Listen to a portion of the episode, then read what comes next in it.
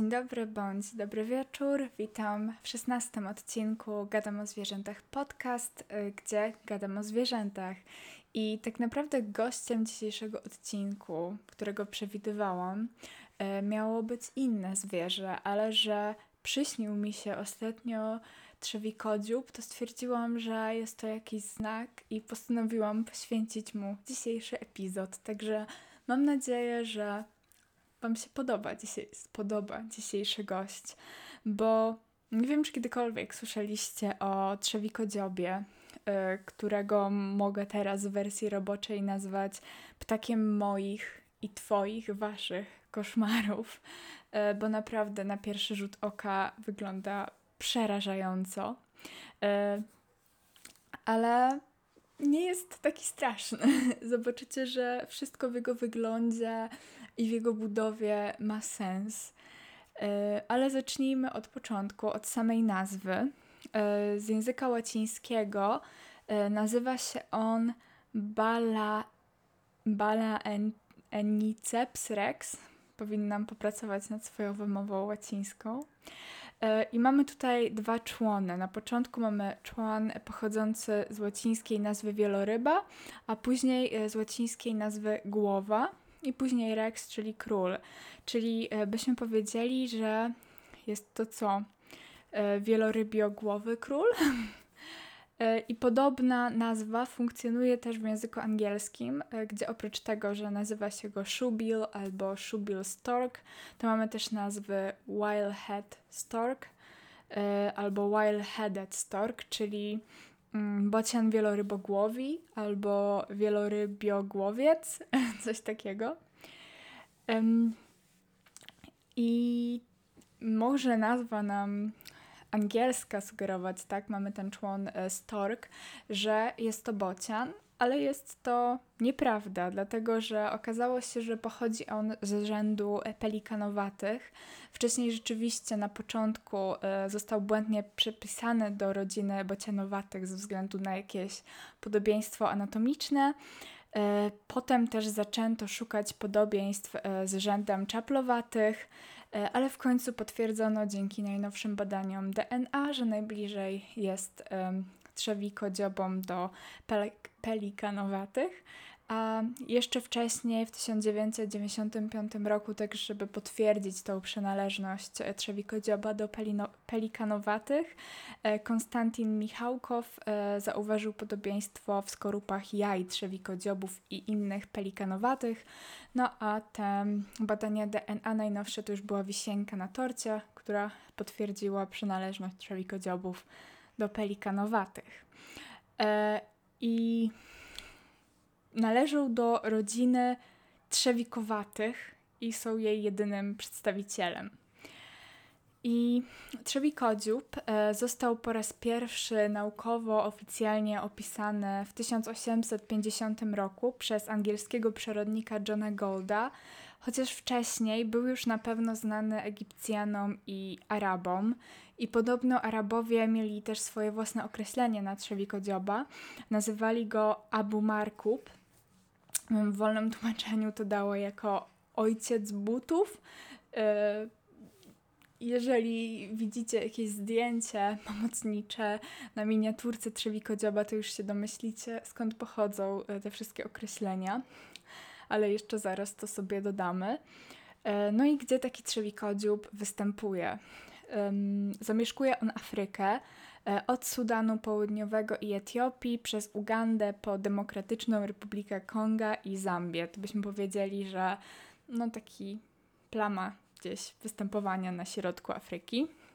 E, najwięcej trzewikodziobów, bo aż 5 tysięcy, e, zamieszkuje właśnie Sudan Południowy i ich ulubionymi terenami są e, bagna, brzegi jezior, jakieś płytkie i słabo natlenione zbiorniki wodne, właśnie jakieś tereny podmokłe. I można też je spotkać na polach ryżowych albo na plantacjach zalewanych wodą. jest też podobno jakaś, e, jakiś związek pomiędzy uprawami papirusu a zwiększonym występowaniem um, trzewikodziobów w okolicy.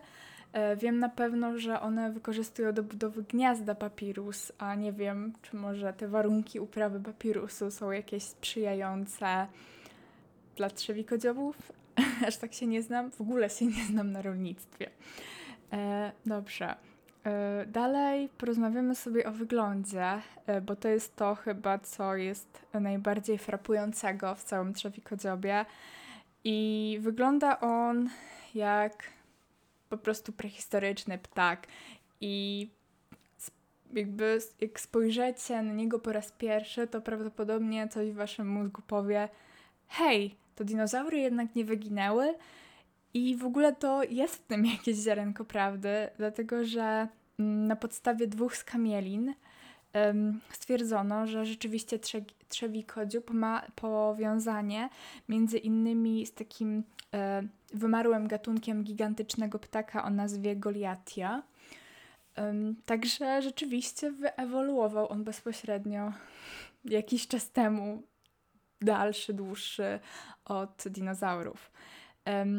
I ogólnie sylwetki może nam przypominać e, bociana, dlatego nie krzyczmy na naukowców, że początkowo źle go przypisali do, do, błędnej, do błędnego rzędu. E, no i możemy porozmawiać o Elephant in the Room, czyli tym, co się najbardziej rzuca e, w oczy. To jest jego szeroki, duży, krótki dziób w kształcie buta, w kształcie trzewika, jak wskazuje nazwy, nazwa. Widziałam jakiś e, wpis na blogu odnośnie trzewiko dzioba, który idealnie porównał e, wygląd tego dzioba do tradycyjnych e, butów, trzewików noszonych przez holenderskie kobiety, nie wiem, pewnie jakiś wiek albo dwa wieki temu. chyba po polsku mamy chodaki, to chyba też jest takie podobne do kształtu tego, tego dzioba. E, no i e, ten dziób jakby nie jest tylko dla po to, żeby nas straszyć, tylko e, jest on przystosowany do szukania pożywienia w mule. I na dodatek dziób ten jest zakończony ostrym pazurem, takim pazurem, nie wiem jak to inaczej nazwać, taką ostrą wypustką. Ma on bardzo duże oczy, E, może bardzo duże, no stosunkowo duże, e, które są jakby wysunięte, skierowane ku przodowi, co w praktyce ułatwia mu widzenie trójwymiarowe, a jeszcze dodatkowo e, sprawia, że no, wygląda troszkę przerażająco, wygląda po prostu jakby nam patrzył po prostu prosto w duszę. Do tego ma dość krótką szyję, upierzenie szare z zielonkawym połyskiem, ma długie nogi, E, wiadomo, to jest przystosowanie do brodzenia w wodzie jego ulubionych podmokłych terenach. No i ma wielkie stopy, naprawdę wielkie stopy, troszkę nieproporcjonalne do reszty ciała, a dodatek stopy te mają e, długie pazury i środkowy pazur może mieć nawet do 18 cm e, długości. E, no i jest to też e, ptak sporych rozmiarów, dlatego że jego długość ciała to jest do 120 cm. E, rekord to był 152 cm. Więc wyobraźmy sobie, że jest to rzeczywiście ptak rozmiarów, nie wiem, jakiegoś, jakiegoś nastolatka albo jakiegoś niższego człowieka. Nie wiem, mi by pewnie sięgał gdzieś do piersi, także przerażające. E, rozpiętość skrzydeł to ponad 260 cm. A tak naprawdę waga, jeżeli mm, pomyślimy sobie o jego wzroście, jest dość niewielka, bo samiec może ważyć około 6-7 kg, samica troszkę mniej, bo 4-6 kg. I ptaki te są naprawdę długowieczne, dlatego że mogą żyć nawet 36 lat, także wow. I jak, co, na co jakby składa się ich dieta, e, tak naprawdę głównym składnikiem, jeżeli będziemy myśleć o głównym składniku diety trzewikodzioba, to jest on bardzo wybredny. E, ma on bardzo wyspecjalizowaną dietę, dzięki czemu unika konkurencji, e, bo poluje głównie mm, na ryby dwudyszne, czyli to są takie ryby, które mają płuca, które e, mogą przeżyć e, nawet w momencie, kiedy nie ma wody w zbiorniku albo jest e, ich bardzo mało i na przykład zakupują się w mule i tak przeżywają. I na przykład do jego ulubionych ryb należy prapłetwiec abisyński albo wielopłetwiec senegalski. I trzewikodziób chwyta te ryby za pomocą tego dużego dzioba i jeszcze je przebija tym wypustkiem ostrym, który ma na końcu dzioba. I e, czasami też zjada żaby, gady, małe krokodyle i małe ssaki i uzupełnia dietę mięczakami i padliną.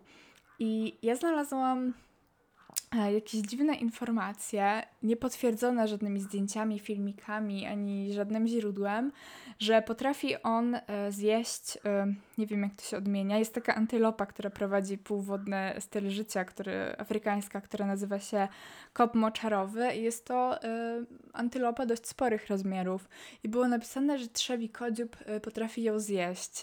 No i coś mi tutaj nie, nie grało, nie pasowało i rzeczywiście doszłam do źródła, które było dla mnie jakoś bardziej sensowne i logiczne, bo było doprecyzowane, że je zauważono, że zjada też młode tej antylopy, a nie całego dorosłego osobnika. Także uważajcie, jeżeli szukacie mm, informacji na temat trzewi kodzioba, bo e, potrafią być one nieźle takie nadmuchane. I jeżeli chciałabym teraz porozmawiać o ich trybie polowania, bo jest myślę też dość specyficzny i możemy ja go lubię nazywać taką metodą polowania na stalking, e, dlatego że mm, zwykle e, trzewikodziób, jeżeli poluje, e, to na jakimś swoim wybranym obszarze, na przykład trzyma się jednego jeziora i obserwuje ryby. I obserwuje je na tyle długo, e, że wie, gdzie te ryby mają swoje kryjówki i o jakich porach dnia gdzie przebywają. E, I jest on bardzo też cierpliwym łowcą, to znaczy, że brodzi w wodzie w poszukiwaniu tych ryb, e, albo po prostu stoi i czeka, e, aż jakaś ryba do niego podpłynie, i wtedy rzuca się na nią i rozpościera skrzydła.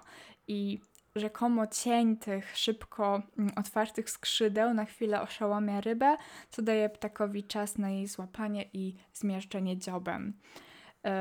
Także czytałam też o relacji e, jakiegoś chyba amerykańskiego turysty, e, który mm, pojechał e, do zoo w Pradze właśnie, żeby zobaczyć tam trzewikodzioba na żywo i powiedział, że no po prostu dla niego to było niesamowite przeżycie, mimo tego, że trzewikodziób tylko po prostu stał i patrzył się w ciebie wyglądał jakby patrzył się w pustkę, no nie dlatego, że jest jakiś upośledzony albo, albo głupi, albo nawiedzony, tylko dlatego, że po prostu jest to jego sposób polowania i przez dłuższy okres czasu, jak w ogóle przez dłuższy okres czasu on po prostu będzie stał.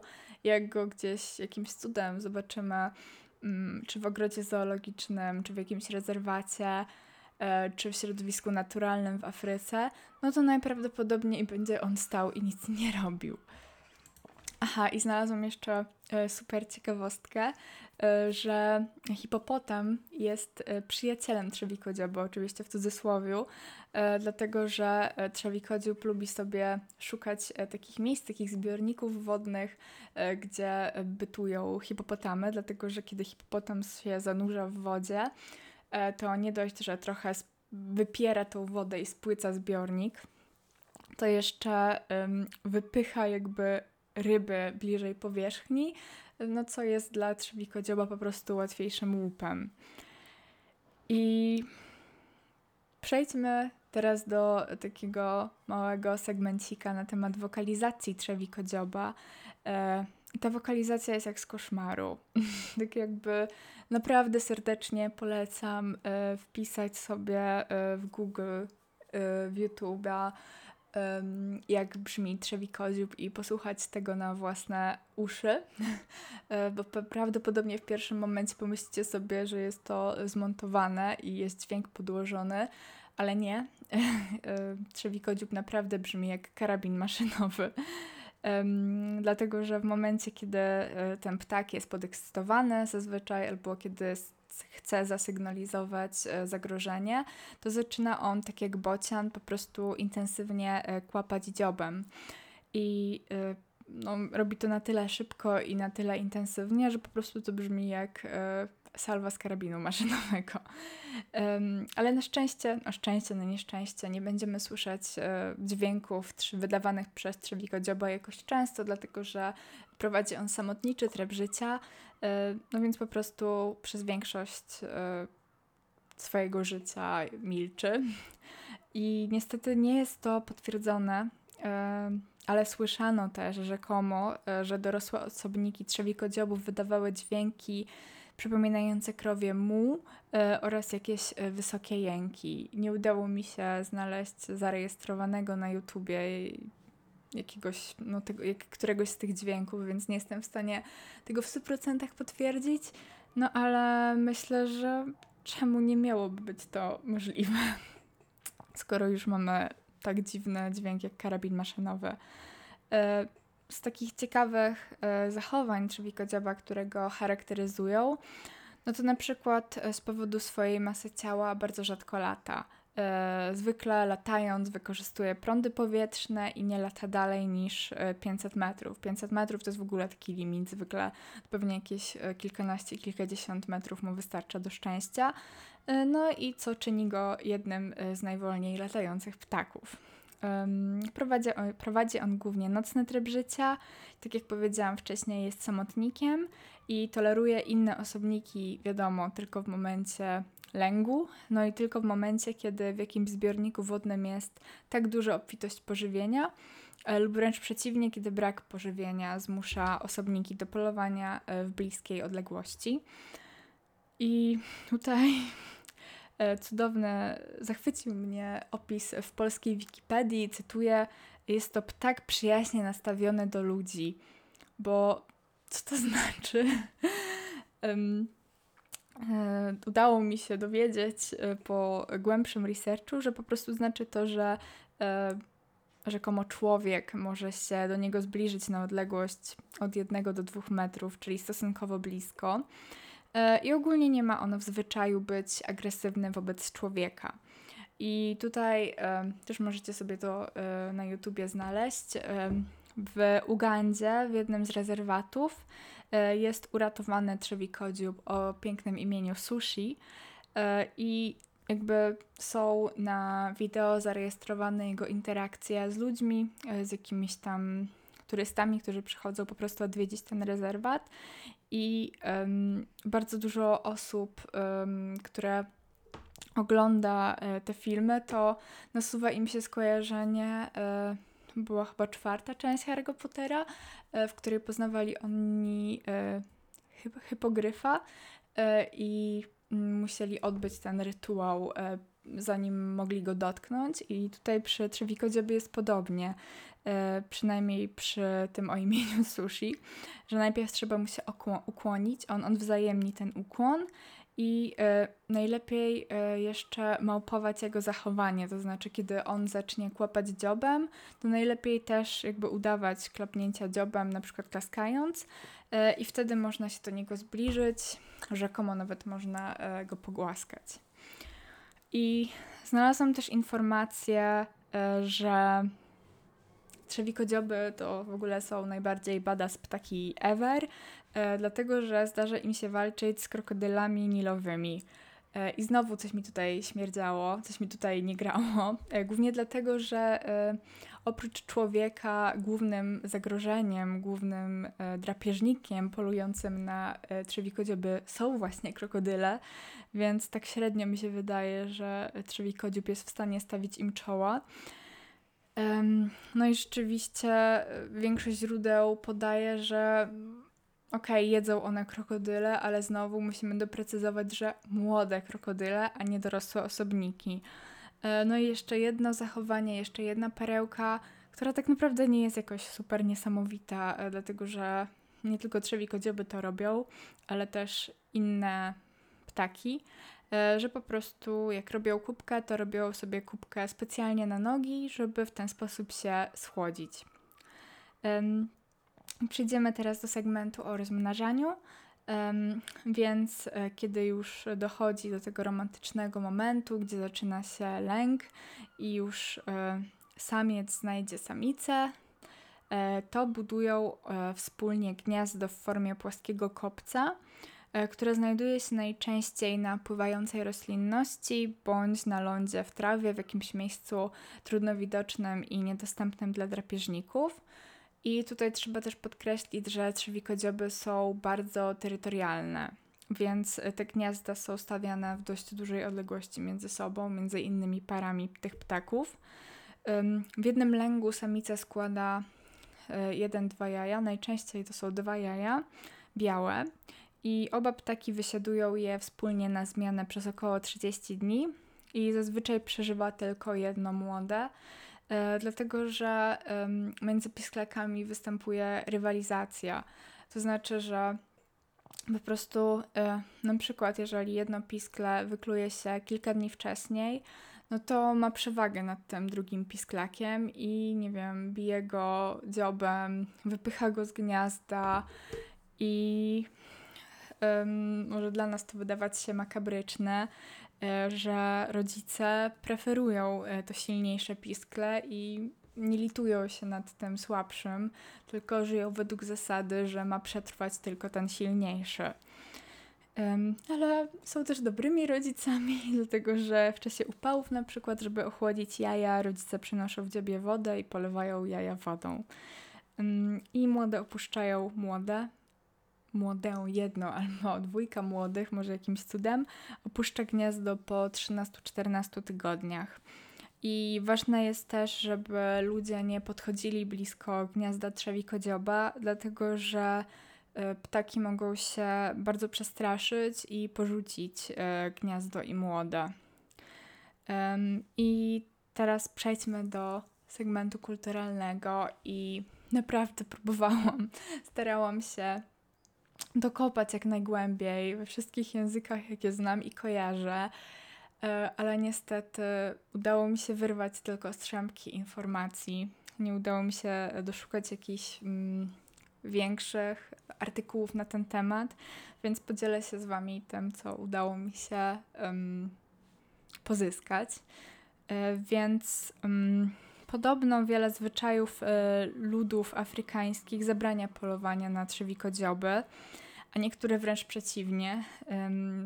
W niektórych ludach afrykańskich traktuje się te ptaki jak temat tabu i ogólnie jako zły omen i wybija się je ze, właśnie ze strachu przed tym, że przyniosą jakieś nieszczęście.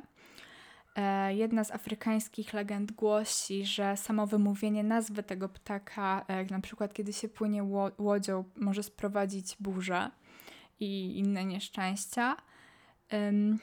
I jest też takie wierzenie, że jeżeli jakiś człowiek zaginie na mokradłach, to najprawdopodobniej jest to sprawka trzewikodzioba. I w ogóle ludzie są bardzo kreatywni.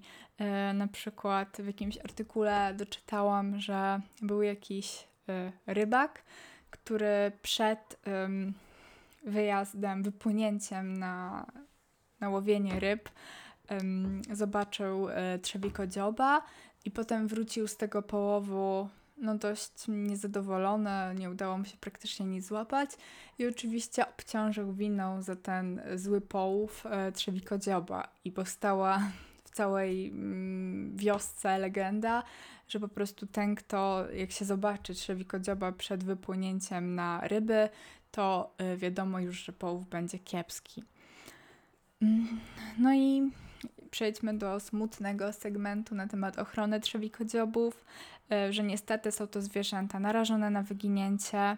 E, w 2016 roku Międzynarodowa Unia Ochrony Przyrody mm, podała informację, że szacuje się, że e, w, w środowisku naturalnym żyje około albo coś między 3300 a 5300 dorosłych osobników. Możemy to porównać na przykład z z badaniami z 2002 roku, które stwierdziły, że osobników było około między 5 tysięcy a 8 tysięcy, czyli widzimy, że y, liczebność, populacja ma jakby tendencję malejącą, spadającą, a najbardziej są one zagrożone w Ugandzie, mm, dlatego że w ciągu ostatnich 25 lat zlikwidowano 40% e, terenów podmokłych, czyli ich naturalnego środowiska. I co zagraża tym trzewikodziobom? Otóż bardzo dużo.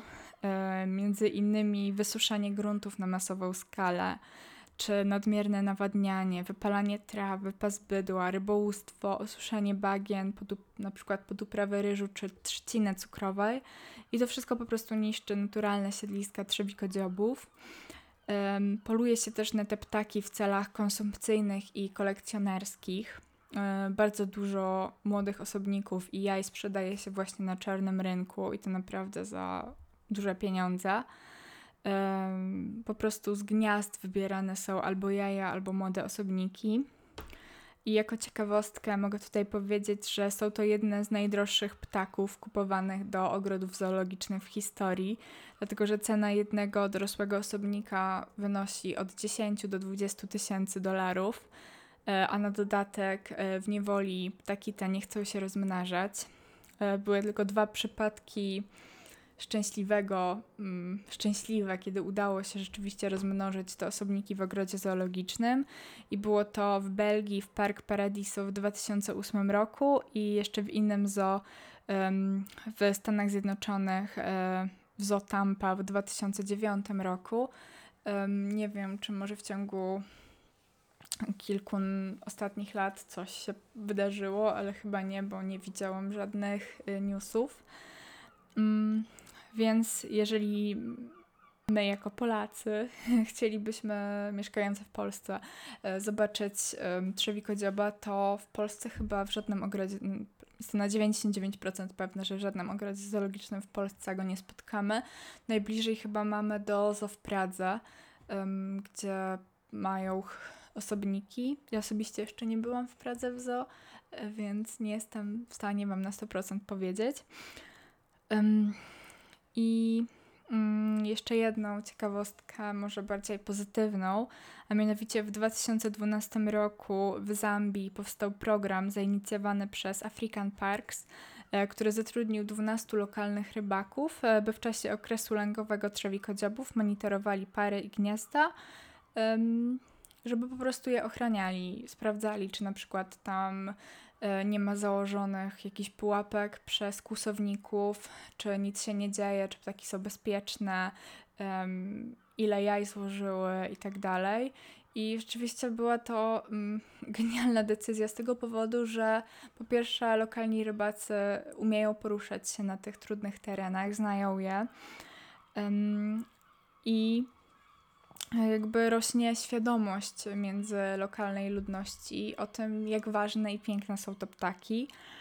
I y, dając zatrudnienie lokalnej ludności, tak jakby zamiast oni na przykład zabijać te ptaki albo e, sprzedawać ich jaja na czarnym rynku, no to utrzymują się z ochrony tych ptaków. E, I rzeczywiście akcja ta przyniosła pozytywne rezultaty i została ona poszerzona E, w innych, e, nie wiem czy w innych krajach, na pewno na większą skalę w tej Zambii ją uruchomili. Więc tam po prostu najważniejsze jest uświadamianie między innymi właśnie lokalnej ludności, że trzewikodzioby też są dla nich ważne, e, bo przyciągają turystów, w szczególności przyciągają bardzo dużą ilość obserwatorów ptaków. Dzięki temu zapewniają e, im pracę, na przykład w hotelarstwie, czy w sprzedaży pamiątek, robieniu rzemiosła itd. Tak e, więc miejmy nadzieję, że uda nam się uratować trzewikodzioby bo naprawdę są niesamowite na swój wyjątkowy sposób zwierzęta. I to by było wszystko na dzisiaj. Mam nadzieję, że Wam się podobało. Mm, jeżeli oczywiście macie jakieś pytania, komentarze, sugestie, e, chcielibyście, żebym zrobiła następny odcinek o jakimś konkretnym zwierzęciu, to możecie na mnie pisać albo w komentarzach, albo na moim mailu gadam o zwierzętach podcast albo na moim fanpage'u na Facebooku, gdzie Was serdecznie zapraszam. Um, byłoby mi miło, jakbyście powiedzieli o tym podcaście Waszym znajomym, którzy też lubią zwierzaki. A my widzimy się w następnym odcinku. Do następnego odcinka, do następnego zwierzaka.